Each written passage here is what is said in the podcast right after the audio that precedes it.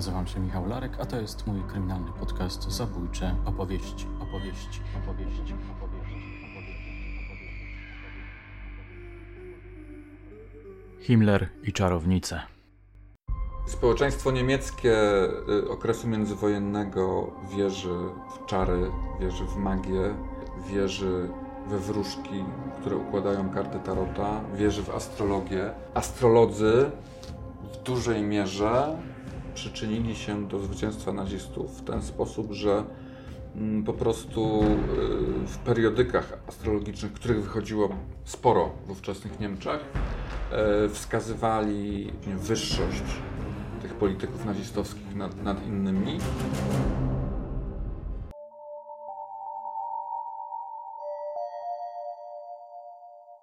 To Bogdan Głębocki, historyk, pisarz, autor serii Musza Góra, czyli dieselpunkowej opowieści osadzonej w Poznaniu. Od jakiegoś czasu wygłasza na festiwalu fantastyki Pyrkon prelekcje dotyczące okultyzmu, które cieszą się wielką popularnością. Pewnego razu pomyślałem sobie, że te jego opowieści o okultyzmie świetnie pasują do moich zabójczych opowieści, w których pojawiają się raz po raz wątki paranormalne czy historyczne. Doszliśmy z tym serdecznym kolegą do porozumienia i nagraliśmy trzyodcinkową rozmowę o okultystycznym podglebiu nazizmu. Dla mnie to fascynujący temat. Reżim totalitarny jako przedsięwzięcie napędzane wiarą w zjawiska paranormalne, mordercy i magia. Punktem wyjścia pierwszego odcinka są procesy czarownic, które zaintrygowały samego Himmlera. Moje drogie, moi drodzy, posłuchajcie.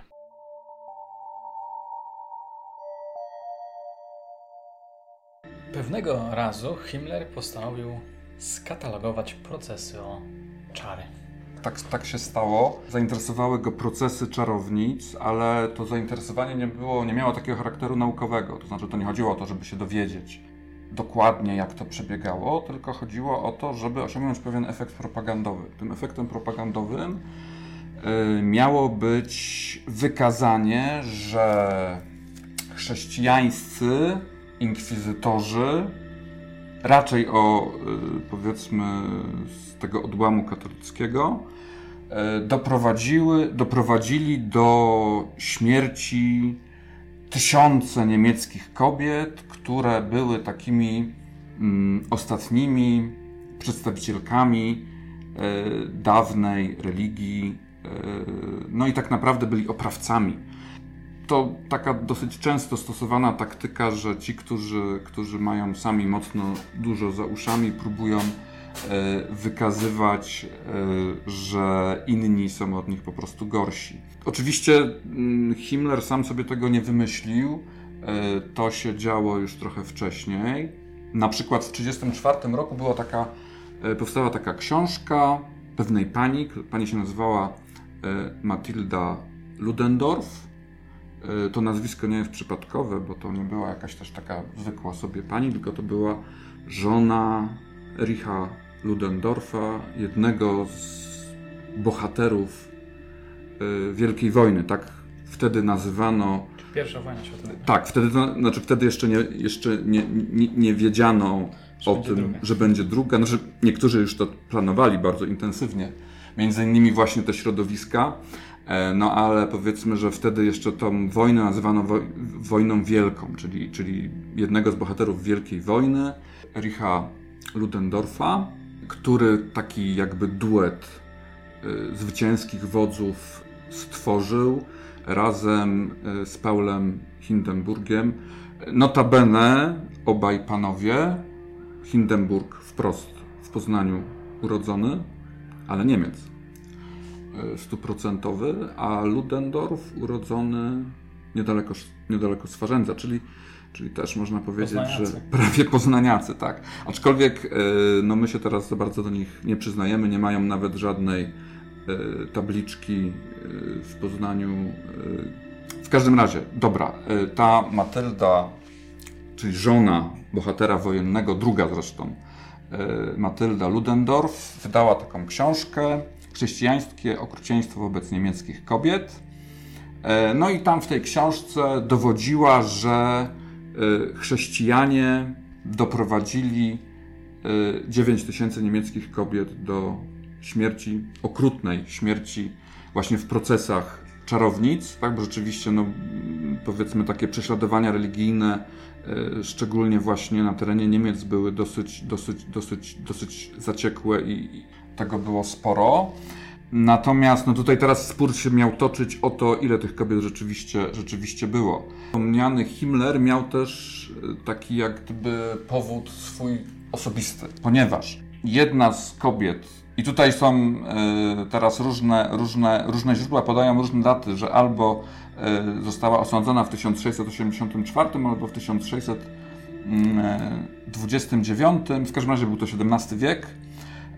Niejaka Margaret Himbler została właśnie w takim procesie, w procesie osądzona, skazana i badania genealogiczne dowiodły, że była to jed... znaczy, że ona była należała do przodków Himmlera.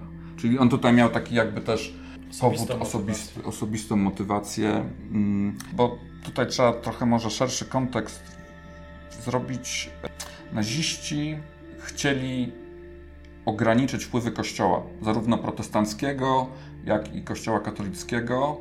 E, chcieli coś dać Niemcom w zamian. Potrzebowali jakiegoś mitu, tak? Jakiejś... Potrzebowali jakiegoś mitu, odwoływali się najczęściej do, najczęściej do takiej mitologii germańskiej e, i szukali w tą stronę. E, to było bardzo, bardzo pokręcone i przede wszystkim, co istotne, a to jest cecha znowu charakterystyczna wszystkich ruchów totalitarnych, że tam nigdy nie, nigdy nie ma takiej jakiejś e, jednolitej linii, wbrew pozorom, ci władcy totalitarni zawsze sobie zostawiają takie różne furtki. I oni też yy, na przykład yy, idea jest taka, że jak jesteś, tak działał Stalin, tak działał Hitler, jak chcesz być takim yy, dyktatorem totalitarnym, to musisz próbować, y, musisz mieć jak gdyby y, różne, wspierać różne odłamy, y, no bo wiadomo, że zawsze, zawsze w takich ruchach, ruchach dochodzi do jakichś, jakichś podziałów, są zawzięte rywalizacje między różnymi, różnymi powiedzmy Frakcja. frakcjami. No i ty się nigdy nie opowiadasz za, za jedną frakcją, bo idea jest taka, że... że, że przez rządzenie. Tak, dokładnie. Dzieli rządź. Tutaj ta starorzymska zasada jak najbardziej się sprawdza. Czy rządzisz przez dzielenie. no, tak. Dzieli rządź. Divide et impera. Tak robił Hitler, tak samo robił, robił Stalin. O ile w przypadku pomniejszych nazistów możemy mniej więcej odtworzyć dokładnie ich poglądy na temat, na temat okultyzmu szeroko rozumianego, to w przypadku Hitlera już to jest to niemożliwe. Kościoły chrześcijańskie, one mają zawsze jakiś tam wątek, y, wątek powiedzmy pochodzący z Bliskiego Wschodu, no krótko mówiąc, y, korzenie, korzenie żydowskie. E, to próbowano obchodzić na różne sposoby, przykładowo dowodząc, i to, co, to, co ciekawe, nawet, yy, nawet to w polskiej prasie narodowej też można znaleźć artykuły na temat tego, że chrześcijaństwo, katolicyzm w szczególności, nie mają nic wspólnego z Żydami, ponieważ Jezus i to jego najbliższe otoczenie to byli Galilejczycy, i oni nie byli Żydami, tylko byli Aryjczykami. No to są takie strasznie, bardzo, bardzo takie już wydumane teorie, natomiast, natomiast ci, którzy, którzy, yy, którzy chcieli zwalczać Żydów i zwalczali ich yy, w sposób często też fizyczny, no mieli, mieli problem, szczególnie w Polsce, mieli problem taki, że, że to się kłóciło z ich katolicyzmem, no bo tam były te korzenie żydowskie, E, tutaj się często śmiejemy, że Matka Boska oczywiście nie była Żydówką, tylko Polką, e, ale to do tego się sprowadzało. No a tutaj wracając teraz do tych, do tych Niemców, mm, nazistów. Ty może tylko jeszcze przeczytam jedno zdanie z konspektu, który mi przysypałeś. Wydaje mi się, że to jest ważne i to jakby nawiązuje do tego, co przed chwilą tutaj padło napisałeś coś takiego. W oczach Himmlera czarownice były ostatnimi przedstawicielkami pogańskich wspólnot wyznaniowych. Czyli tutaj jakby dotykamy mm -hmm. tej takiej tkanki religijnej, tak? Tak, tak, tak, tak, tak. był potrzebny Himmlerowi, a właściwie nazistom do stworzenia własnego mitu. Tak, Hitler stał na czele SS. punktu widzenia Polaków. No to jest to taka organizacja, która się jak najgorzej kojarzy.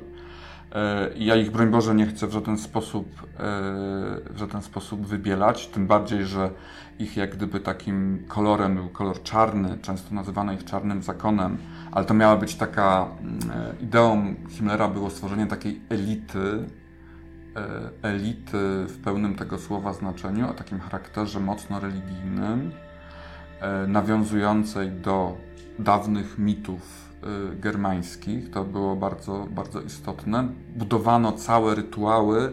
Myślę, że to tam jeszcze w naszych, naszej rozmowie może to wyjdzie, ale przykładowo takim centrum tej e, nowej, nowej religii miał być zamek Wewelsburg. I to była taka, takie centrum tego y, świata, który chciał stworzyć Himmler. On też mocno nawiązuje do takiej tradycji, tradycji arturiańskiej, do cerze okrągłego stołu, bo tam właśnie były też takie okrągłe stoły, przy których tam ta elita e, nazistowska, esesmańska, esesmańska e, w czarnych mundurach miała się zbierać i, i, i tam właśnie dyskutować na temat odbojów.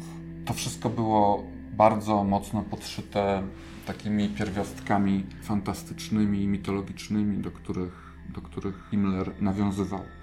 Czyli wychodzi na to, że nazizm był bardzo mocno napędzany przez takie niestworzone, fantastyczne, baśniowe historie. Te związki nazizmu z okultyzmem są szczególnie mocne w początkach tego ruchu. To są często związki personalne, to znaczy ludzie, ludzie, którzy są mocno zaangażowani w okultyzm, w jakieś takie misteria, praktyki na poły magiczne są po prostu też założycielami partii nazistowskiej. Tutaj się powtarzają te same nazwiska. Co ciekawe, Hitler nie jest od początku, on tam w którymś momencie dopiero dołącza do tego ruchu, no ale szybko, szybko zdobywa sobie bardzo mocną, bardzo mocną pozycję. W każdym razie Himmler ma to imperium wewnątrz III Rzeszy, czyli ten, ten, to państwo takie SS, no i w 1935 roku, w 1934 ukazuje się ta książka y, pani Matyldy Ludendorff. W 1935 roku powołuje do życia H. Sonderkommando, czyli taką misję specjalną H, od, litera H od słowa heksen, czyli czarownicę, która ma zajmować się poszukiwaniem i katalogowaniem wszystkich informacji o procesach oczary, początkowo na terenie na terenie Niemiec, a z czasem, kiedy następuje ekspansja III Rzeszy na kraje ościenne, także na terenie tych, na, na tych terenach, które, które, które Niemcy, Niemcy podbijają. Tam rzeczywiście działają prawdziwi, prawdziwi naukowcy, prawdziwi badacze. Wszyscy praktycznie mają, mają e, tytuły doktorskie. Udaje im się przeszukać 260 archiwów i bibliotek w toku ich działań, czyli od, w zasadzie od 35 do powiedzmy początków roku 45, czyli to jest 10 lat. Te materiały, które zgromadziła ta komórka, czyli to Hasonderkommando, wobec zagrożenia bombardowaniami ukryto w, tak jak wtedy uważano, w bezpiecznym miejscu, a tym bezpiecznym miejscem był Dolny Śląsk, e, a konkretnie Sława Śląska. Po 45, po zakończeniu działań wojennych, Y, te materiały zostały przechwycone przykładowo przez Polaków i przekazane do Archiwum, y, Archiwum Państwowego w Poznaniu. Mhm. A może wróćmy jeszcze na chwilę do mm, tych lat 30., y, do drugiej połowy może lat 30., bo to mm, wygląda ta, ta misja poszukiwania czy mhm. przeszukiwania mhm. archiwów i potem, jak rozumiem, rozczytywania akt mm, czy jakiejś doku czy dokumentacji wygląda dwojako, bo z jednej strony to jest taka akcja zaplanowana bardzo dobrze, jak rozumiem, logistycznie, taka racjonalna. Niemiecka taka, no. Właśnie, taka Mówiąc niemiecka. Mhm. A, a z drugiej strony jakby cel tego jest magiczny, bo chyba nie chodzi to... tylko i wyłącznie o to, żeby to udokumentować. No nie, właśnie mówiłem, że na pewno, na pewno nie przyświecały im takie cele naukowe, takiego po prostu poznania dla, dla... Ale też chyba nie tylko chodziło o to, żeby wykazać liczbę kobiet i chyba też mężczyzn, gdzieś tam wyczytałem, że też mężczyzn. Mm, sporadycznie, ale głównie, głównie tutaj które zginęły. Z, większość, z większość zdecydowanie stanowiły kobiety. To jest jakaś obsesja, to, czy jakąś, jakąś obsesję, jakąś wiarę. No tak. Badania nad okultyzmem nazistowskim bardzo często natrafiają na taki problem, którym jest brak po prostu odpowiednich źródeł. I mm, w dużej mierze, i tutaj już niestety to przestaje mieć taki charakter naukowy, e, w dużej mierze mm, bazujemy na mm, różnego rodzaju domysłach. E, I czasami są to już jakieś takie bardzo, bardzo, bardzo, bardzo dziwne, bardzo dziwne teorie. To, co się wydaje takim racjonalnym wytłumaczeniem e, zainteresowania tymi procesami czarownic, to w moim rozumieniu będzie chęć pokazania tego, jak wiele dobrych niemieckich kobiet zostało uśmierconych, często w okrutny sposób, z rąk chrześcijan, czytaj głównie z rąk katolików. No ale mimo tego, że mm, badacze byli dosyć kreatywni w swoich odkryciach, to wyszło z tych y, kartotek, że ofiar mogło być tak realnie patrząc tych prześladowań powiedzmy rzędu 20-25 tysięcy. No to było zdecydowanie za mało.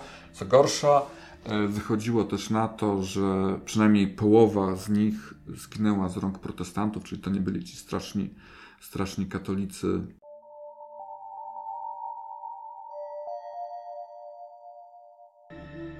To się wszystko rozgrywa po tej Wielkiej Wojnie. Po Wielkiej Wojnie, czyli po roku 1918, który jest dla dobrych Niemców totalnym, absolutnym szokiem. To znaczy o co chodzi? E, przez całe lata wojny, które powiedzmy spędzają e, na terenie, na terenie cesarstwa, żyjąc dosyć biednie, no bo były różnego rodzaju blokady, tam trzeba było racjonować żywność, jeść tak zwane erzace, e, czyli, czyli takie jakieś tam zastępcze produkty żywnościowe, które normalnie, normalnie w czasach przedwojennych nie jadano. Czyli po latach tych wyrzeczeń, cały czas karmieni informacjami o tym, jak to wspaniale sobie radzi armia niemiecka na froncie, na frontach, nagle w listopadzie schyłek października 18 roku i na początku listopada 1918 roku nagle dowiadują się, że są jakieś rozmowy pokojowe prowadzone i że to, to, to, to, to, to z inicjatywy niemieckiej i że Niemcy chcą się poddać, bo oni przegrywają, a cały czas oni słyszeli, że, że, że, że jest dokładnie odwrotnie. No i tutaj jest pewien, pewien problem, no bo rzeczywiście ta wojna miała inny przebieg na froncie wschodnim, na, inny na froncie zachodnim. Można powiedzieć, że na froncie wschodnim zakończyła się zwycięstwem Niemiec na początku 18 roku i tam rzeczywiście e, osiągnięto zdobycze terytorialne e, i ta granica była mocno przesunięta na wschód. Natomiast gorzej było na zachodzie, tam trwała wojna pozycyjna. E, no ale okazało się, że ta potężna armia niemiecka rzeczywiście tak myślę, że jedna z najlepiej zorganizowanych, najpotężniejszych sił w tym konflikcie E, nie jest po prostu w stanie dalej prowadzić, prowadzić działań wojennych z powodów takich, że no, gospodarka niemiecka nie jest w stanie tego, te, tego konfliktu uciągnąć. No ale o tym ci ludzie nie wiedzą.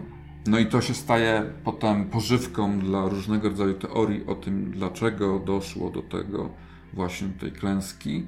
No i bardzo szybko wskazano winnego. Tym winnym. Czyli mamy mm, naród, kraj, który nieoczekiwanie poniósł totalną porażkę. Tak. Został upokorzony. Tak. Stał się biedny, stał się pariasem Europy. No i trzeba było sobie poradzić. Z tym wszystkim. Mhm. E... Jakąś rekompensatę zorganizować, sobie znaleźć jakiegoś wroga. Wroga, tak? znaczy winnego, no, winnego. krótko mówiąc, tego, tego winnego. No i tymi... Tutaj się otwierają, jak rozumiem, takie mm, pola na różnego rodzaju, taki, na różnego rodzaju magiczne opowieści, które mogą tak, jak najbardziej, jak najbardziej też. Natomiast y, tam jest zawsze ten, jest oczywiście w każdym tym myśleniu jakiś taki mocny, mocny element magiczny, natomiast no, ten, y, tym, tym wrogiem takim ten wróg jest jak najbardziej realny, bo tym wrogiem okrzyknięto Żydów. No i wszelkiego rodzaju ruchy lewicowe, ale te ruchy lewicowe, te ruchy lewicowe, one się rzeczywiście, mm, znaczy one były opinii przeciętnego Niemca, one były bardzo silnie z tymi Żydami powiązane. No i coś w tym też było rzeczywiście, że, że, że, że mocną grupę, mocną kadrę tych ruchów lewicowych stanowili Żydzi. Z tym, że to tutaj to jest dużo bardziej skomplikowane, no bo to, to byli tacy Żydzi najczęściej wyalienowani ze społeczności żydowskiej, bo to byli Żydzi całkowicie świeccy, całkowicie areligijni, wręcz często zwalczający też wszelkie religie, w tym religię żydowską. Okej, okay, to, to Ale tutaj dryfujemy już zupełnie, więc tak. Może nie zupełnie, bo jakby wchodzimy trochę w umysł tego narodu mhm. i to w tym jakby umyśle pojawiły się, rozumiem, takie zainteresowania, mm, najszerzej mówiąc, okultyzmem. Mhm. Mm, ale to jeszcze gdybyś doprecyzował, jak się w takim razie, w tym kontekście, w tej sytuacji ma ten pomysł Himmlera na to, żeby przebadać procesy oczary w przeszłości. Czy to miało być właśnie pokazanie, że chrześcijanie są bardzo krwawą społecznością, którą trzeba zaatakować, zniszczyć? Dobrze rozumiem, czy to trochę inaczej było? Znaczy ja myślę, że tutaj, znaczy trop jest jak najbardziej dobry. Znaczy problem jest taki, że ci chrześcijanie to są też, też ówcześni Niemcy. Nie można, nie można było tak y, działać, powiedzmy, y, metodą bardzo jednoznacznych faktów dokonanych, no bo by musieli dokonać jak gdyby czystki wewnątrz swojego własnego narodu, więc e, stosowano bardziej subtelne metody. Chodziło o to, żeby pokazać, e, że dużo zła, które się stało, stało się z powodu właśnie narzucenia Niemcom, narzucenia Germanom, czy, czy, czy, czy jeszcze bardziej mówiąc ogólnie narzucenia Ariom, bo tutaj też taka nazwa się pojawi, e, narzucenia obcej religii, e, tej religii, która wywodziła się z Bliskiego Wschodu, konkretnie z Palestyny. E, no i ona w bardzo mocny sposób wpłynęła na życie Germanów, wyrzucając jak gdyby z nich takie dobre magiczne często właśnie przesłanki, które wcześniej, wcześniej, wcześniej były i teraz zadaniem tych nazistów jest między innymi odtworzenie tego, co, co, co było wcześniej, czyli tego takiego prawdziwego germańskiego ducha, nie skażonego jeszcze tą myślą żydowską. Chodziło o to, żeby powrócić do, tej stary, do tych starych wierzeń. Tak, to był, taki, to, to był taki cel długofalowy. Rzeczywiście to miała być nowa religia tej tysiącletniej Rzeszy, która, która miała powstać. A czy same czarownice, nie wiem, ich wierzenia, ich doświadczenia, ich myśli, ich filozofia była istotna dla Himmlera? Czy to był tylko. Czy dla niego ważne było to, że przedstawicielki jakiejś tam pogańskiej wspólnoty zostały zniszczone przez chrześcijan? Hmm. Ja myślę, że myślę, że tutaj są ten aspekt, o którym wspomniałeś, też miał, też miał znaczenie, a to wynika z jego innych też działań.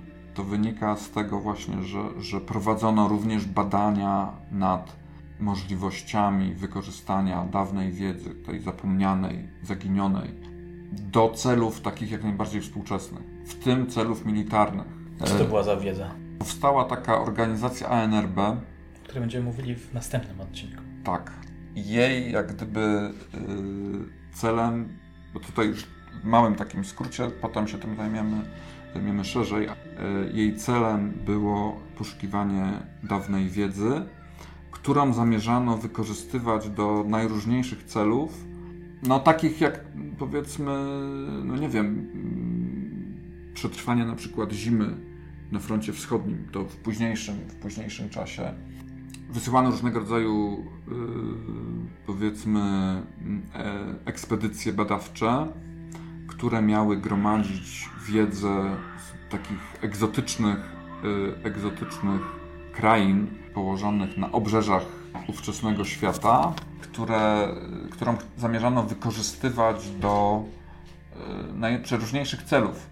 Przykładowo, chyba najbardziej znana, y, znana wyprawa została przeprowadzona w 1938 roku do Tybetu i tam na przykład jednym, jednym z, z eksponatów, czy tam jak, m, takich zdobyczy przywiezionych stamtąd były ziarna zbóż, które bardzo szybko, bardzo szybko y, w takich trudnych warunkach wysokogórskich można było uprawiać. Obawiano się właśnie tego samego, co, co, co, o czym tutaj już trochę wspomnieliśmy, e, co było w I wojnie światowej, że no po prostu Niemcy będą na skraju głodu, dlatego były ważne jakieś nowe w sensie zapomniane, ale nowe, nowe dla współczesnego Niemca, natomiast dawniej wykorzystywane przez jakieś e, ludy takie pierwotne gatunki zbóż, które na przykład mogły się doskonale sprawdzić w takich trudnych warunkach,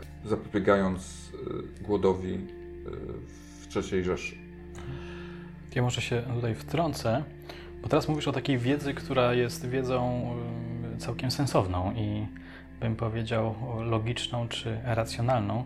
Ja dzisiaj znalazłem, jak tak się przygotowywałem do naszej rozmowy, znalazłem artykuł mm, taki popularny bardzo, Czarownica Himmlera, co SS robiło w Sławskim Pałacu.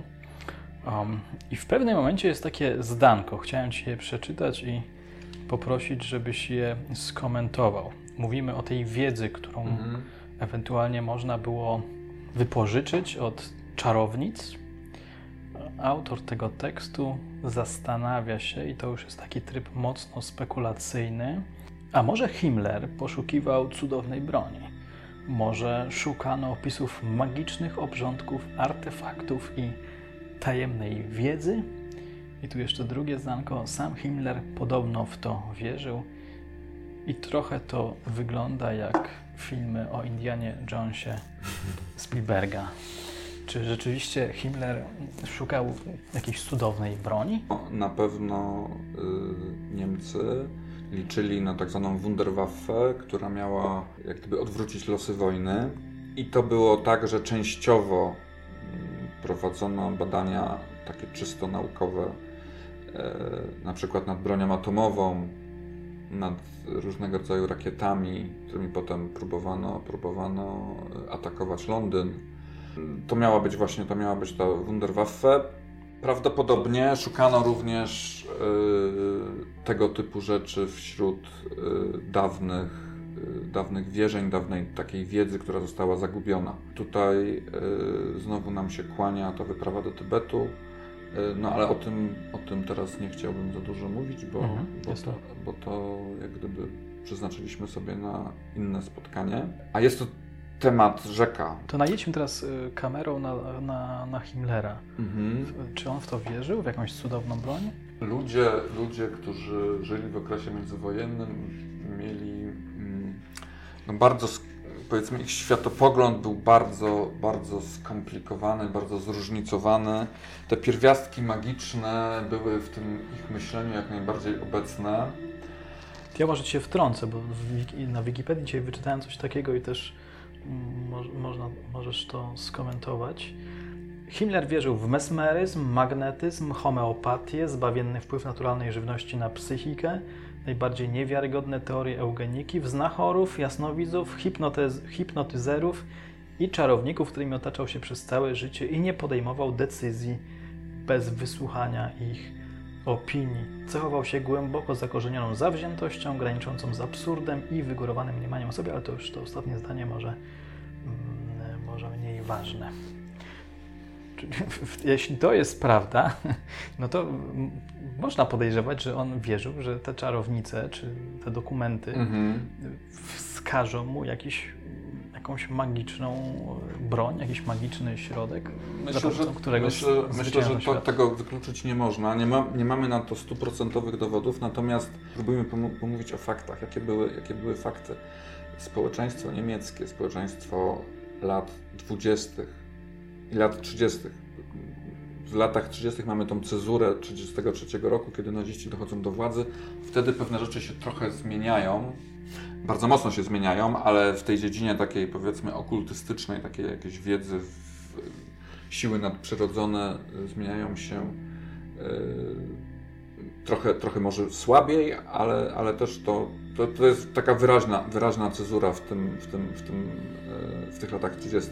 Społeczeństwo niemieckie e, okresu międzywojennego wierzy w czary, wierzy w magię, wierzy we wróżki, które układają karty tarota, wierzy w astrologię. Astrolodzy w dużej mierze przyczynili się do zwycięstwa nazistów w ten sposób, że w periodykach astrologicznych, których wychodziło sporo w ówczesnych Niemczech, e, wskazywali wyższość tych polityków nazistowskich nad, nad innymi, wskazywali, że im sprzyjają gwiazdy. To były, takie, tak, to były takie cegiełki, które powodowały, że to poparcie dla tych nazistów z takiego początkowo takiego poziomu naprawdę no, dołującego jakby dzisiaj byśmy powiedzieli w sondażach, ale dołującego w poparciu e, dla, dla tej partii nazistowskiej, e, przeszły na, no, do takiego poziomu, że, że stali się po prostu największą, największą siłą de facto w Niemczech. Po jak gdyby przejęciu władzy przez nazistów wydano oficjalny zakaz y, publikacji horoskopów najwyższych dostojników III Rzeszy. Czyli Himmler, będąc dzieckiem swojej epoki, no musiał, musiał, musiał też w to wierzyć i rzeczywiście mm, to jest y, na pewno udowodnione, że y, w wielu momentach, podejmując różne decyzje, kierował się y, właśnie jakimiś takimi wskazaniami różnego rodzaju, nazwijmy to okultystów, szeroko rozumianych. Znaczy w Niemczech to było bardzo intensywne. Chyba spośród tych takich dużych narodów europejskich, to tamten, ta wiara, to natężenie było największe, a już taką chyba totalną stolicą właśnie tego był Berlin, e, szalony Berlin e, przednazistowski, szalony pod każdym względem, a także pod właśnie tym, tym, tym względem e, wiary, wiary w takie różne siły nadprzyrodzone.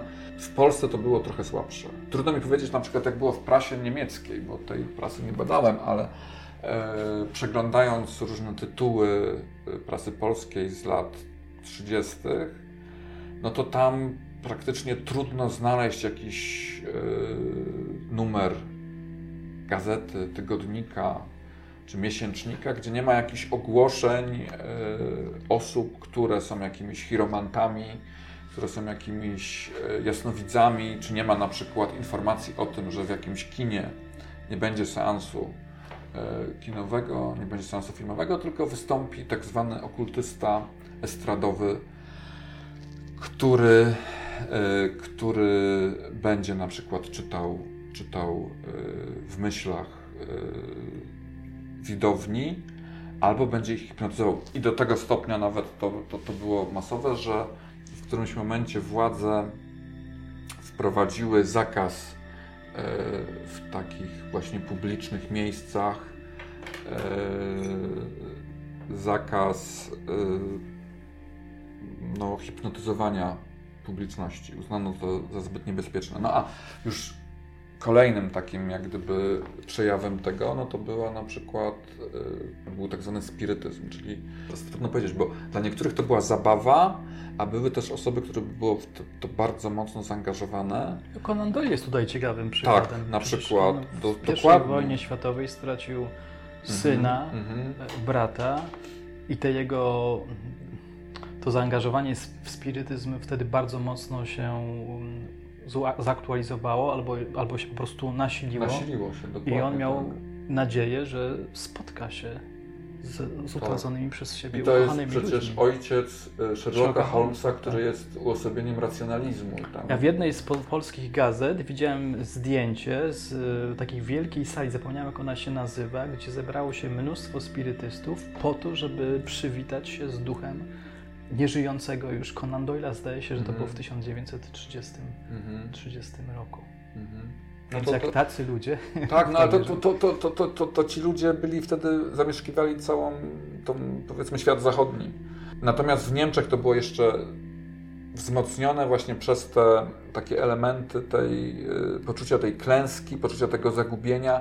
Niemcy były trawione przez różnego rodzaju no, kataklizmy gospodarcze, ta hiperinflacja tuż po wojnie, później... Czyli to było coś kompensacyjnego. Tak, tak, tak, tak, tak. No to była taka ucieczka, ucieczka od y, szalej codzienności. Jedną z takich, z takich y, książek, które znaleziono y, w bibliotece Hitlera, był taki podręcznik do czarnej magii, który był y, wydany w roku 23.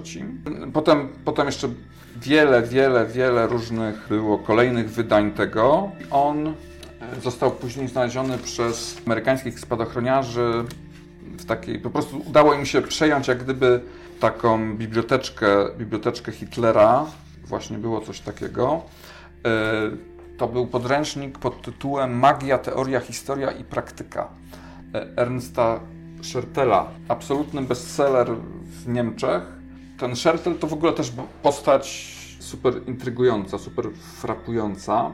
Był pisarzem. E, wracając do tego, o czym mówiliśmy, Himmler, dziecko swoich czasów, musiał wierzyć w te, w te, w te rzeczy i tym samym to, że uda mu się tej wiedzy przodków znaleźć jakieś na przykład cudowne bronie, też tutaj z dużym prawdopodobieństwem, no nie mamy, to jest ale to też jest cecha, to jest też cecha tych takich systemów totalitarnych. Tam wiele rzeczy było załatwiane e, na zasadzie, jak mówimy to powiedzmy popularnie w Polsce na gębę. Nie, nie ma dokumentów, które to potwierdzają, co nie znaczy, że tak nie było. Mhm to jest istota właśnie tych systemów totalitarnych wszystkich, że dużo rzeczy, dużo rzeczy y, poza takim obiegiem dokumentów jest dla historyka brak dokumentu no jest dużym, dużym utrudnieniem. No i tutaj już wchodzimy w takie, takie dywagacje. No często niestety właśnie e, nad czym ubolewam, ale te, te, te sprawy związane z wpływem i popularnością okultyzmu wśród nazistów są trudne do, do udowodnienia. To, to są często jakieś relacje różnych ludzi, którzy potem zeznawali, opowiadali o tym, e, a nie ma, brakuje takich, takich typowych aktowych, aktowych mhm. źródeł, które uwielbiają historycy. Okej, okay, kończąc powolutku, czyli Himmlerowi w sumie nie wyszła ta operacja Czarownice. Nie wyszła. Tak jak powiedziałeś, wyniki badań go rozczarowały, za mało było ofiar, jego badacze byli mimo że jego badacze byli dość kreatywni. Wspomniałeś o tym, że realnie to jest liczba około 25 e, tysięcy ofiar, no i też powiedziałeś, przynajmniej połowa zginęła z rąk protestantów, mm -hmm. to też mhm. jakby trochę osłabia Osłabiło. to ostrze. Czyli to mhm. propagandowo to było trudne do wykorzystania. Ale czy pojawiają się w opracowaniach, może dotarłeś do jakichś sylwetek czarownic, które na przykład były istotne dla e, Himmlera czy tej jego e, ekipy? Czy po prostu to były czarownice? To znaczy, tam mówimy o tych takich czarownicach z przeszłości. Mhm. Mm, nie, tutaj powiem szczerze, że, że jakiejś takiej konkretnej osoby trudno, trudno, trudno mi wskazać, poza, poza tą wspomnianą e, jedną z protoplastek samego, samego Himmlera. Natomiast kogoś, kogo nazywamy wiedźmami, w tamtych czasach, e, w latach 30., 40., w latach 20., bo to się wtedy zaczęło tak naprawdę, e, można wskazać, tylko powiem tak, to już, e, no to jest e, bardzo ciekawa historia, bardzo ciekawa historia, natomiast tutaj to się już w zasadzie poruszamy tylko i wyłącznie w sferze różnego rodzaju domniemań. To powiem, bo no, to jest znowu temat na dłuższą rozmowę, natomiast mogę tak zajawkowo powiedzieć, że chodzi o tak zwane wiedźmy Vril. Mówiłem o tej wyprawie do Tybetu. Tam włożono naprawdę duże pieniądze. Powiedzmy, że też osiągnięto jakieś efekty propagandowe. Przebój niemieckich kin e, w latach II wojny światowej. To ten film, e, który wtedy na tajemniczy Tybet, e, który został nakręcony na podstawie materiałów filmowych zgromadzonych przez y, członków wyprawy. No ale są też różne teorie, co, czego oni tam naprawdę szukali. Jedną z tych teorii jest to, że szukali wejścia do podziemnej krainy opisanej w angielskiej książce, w angielskiej powieści z XIX wieku, Nadchodząca rasa. No i tam właśnie w tej powieści pojawia się taka, e, pojawia się taka społeczność, która żyje we wnętrzu ziemi. Mm, nazywa się Vrillia. Znaczy tym, co, co, co powoduje, że są oni taką potężną, silniejszą, znaczy stojącą na, na dużo wyższym poziomie e, pod każdym względem niż ludzie żyjący na powierzchni, to jest tak zwana siła Vril. Są domniemania, ale to już właśnie tak jak mówię, słowo domniemania tutaj jest słowem kluczem, że naziści poszukiwali tego, tego, tej siły Vril, którą chcieli wykorzystać do swoich niecnych. Bo to, co do tego nie mamy wątpliwości, że te cele były niecne, do, do, właśnie do tych niecnych celów. I tutaj prawie, że już e, skończymy i zaprosimy naszych, nasze słuchaczki, naszych słuchaczy do odcinka drugiego, który będzie takim mocniejszym zanurzeniem się w temat nazizm i, e, i okultyzm. Ale chciałem Cię tak na koniec jeszcze zapytać o to, skąd Ci się w ogóle wzięły te zainteresowania, które także wykorzystujesz w swojej E, powieściopisarskiej e, działalności. O Twoich książkach powiemy sobie może w ostatnim odcinku, żeby to tak ładnie mm, zamknąć. Mm. Zaczynamy od historyka, skończymy na, na powieściach. Skąd te zainteresowania? Które, to trzeba też powiedzieć, regularnie dawkujesz, opowiadasz o nich na Pyrkonie. Twoje prelekcje cieszą się dużą popularnością. Tak, zacząłem tę historię od, od tego, co się działo w Polsce raz się przeniosłem na wschód i opowiadałem o takim e, tak zwanym okultyście Stalina tym razem, e, który był jasnowidzem i, i, i, i służył tej, temu drugiemu totalitaryzmowi. To jest zupełnie, to jest zupełnie ciekawe już, e, bo teoretycznie tam nam by się wydawało, że tam to już są mega racjonalni, tam w ogóle nie ma miejsca na jakieś takie y, nadprzyrodzone elementy. Okazuje się, że, że było to miejsce. E, no i potem się zająłem właśnie tym nazizmem. E, miały, miała być najpierw jedna, jedna prelekcja i potem z, tego, z tych prelekcji się zrodziły już w zasadzie trzy i, i jeszcze, jeszcze chyba w przyszłym roku właśnie będę kończył opowieści o tym. A skąd się to wszystko wzięło?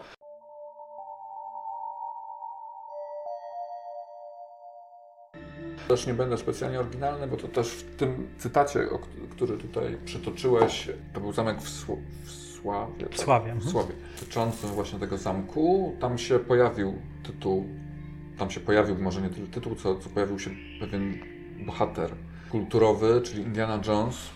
E, dawno temu wylądowałem w kinie na poszukiwaczach Zagubionej Arki. E, to, to było naprawdę dawno e, w poprzednim tysiącleciu.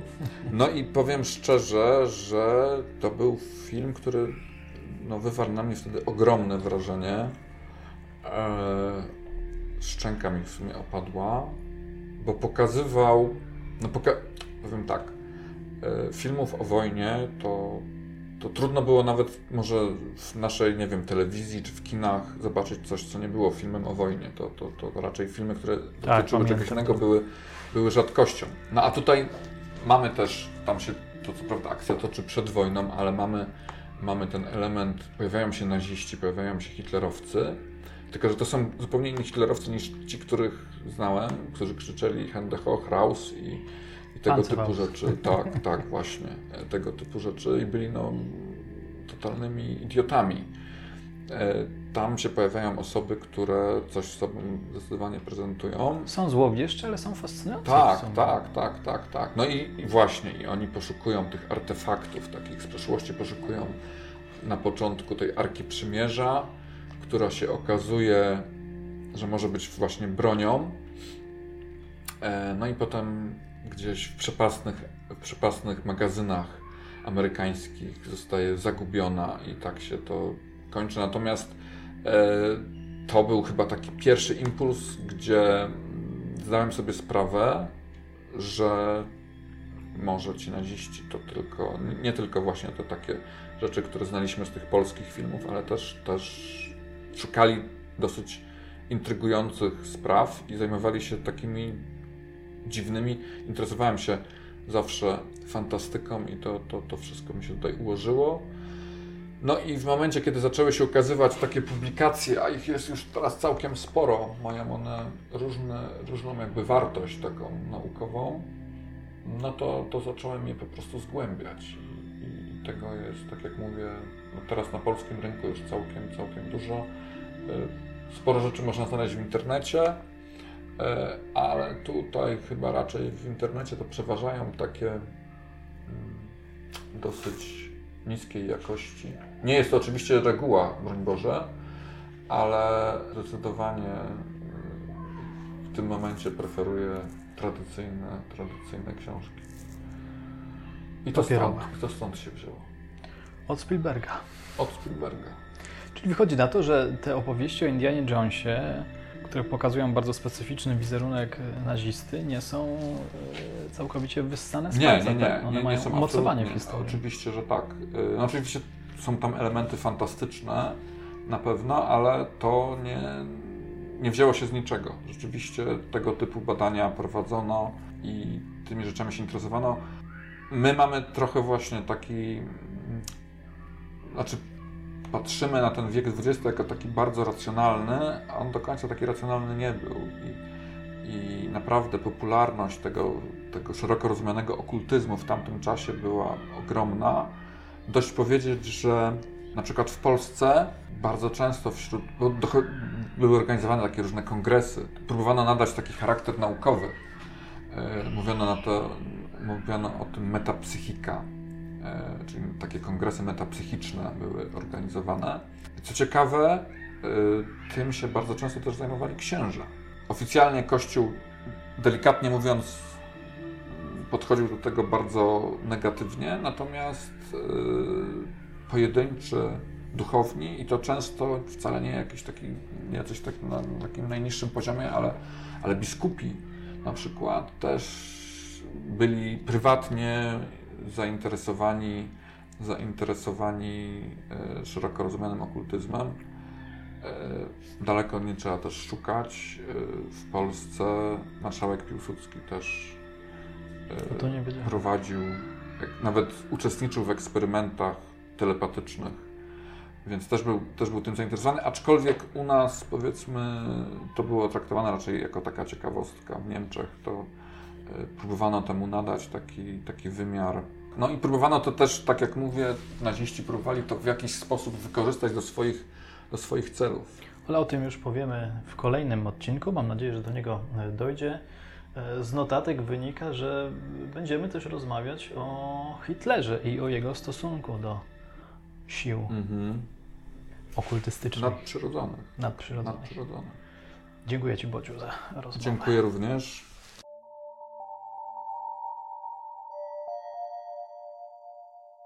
Tę rozmowę nagrywaliśmy w wakacje, balkon był otwarty ze względu na kotki, na osiedlowym placu było mnóstwo szczęśliwych dzieci, stąd ten specyficzny podkład dźwiękowy. Zapewne nikomu z Was nie przeszkadza. Już wkrótce drugi odcinek, w którym cofniemy się do schyłku XIX wieku, czasów młodości późniejszych okultystów, żeby zrozumieć fenomen okultyzmu w III Rzeszy. Jedno wyjaśnienie. Wspomniałem, że powieści Bogdana Głębockiego są napisane w konwencji dieselpunku. Może nie wszyscy wiedzą, co to za gatunek. Jest to więc cyberpunk osadzony w latach 20-40 XX wieku. To pyszna mieszanka kryminału, fantastyki i horroru. Oto opis wydawnictwa pierwszego tomu, czyli Muszej Góry. Akcja toczy się w Poznaniu w latach 30. XX wieku. Inspektor policji Andrzej Schubert poszukuje grasującego w mieście seryjnego zabójcy, zwanego Wilkołakiem. Z kolei prywatny detektyw Antoni Kaczmarek, przyjmując zlecenie odszukania zaginionego Szwajcara, narazi się niebezpiecznym ludziom. W tym samym czasie oficer Wojska Polskiego Mieczysław Apfelbaum przyjeżdża do Poznania z zadaniem odszukania na starym żydowskim cmentarzu na Muszej Górze tajemnic żydowskiej magii. Brzmi ciekawie, wręcz intrygująco, prawda? Gorąco polecam.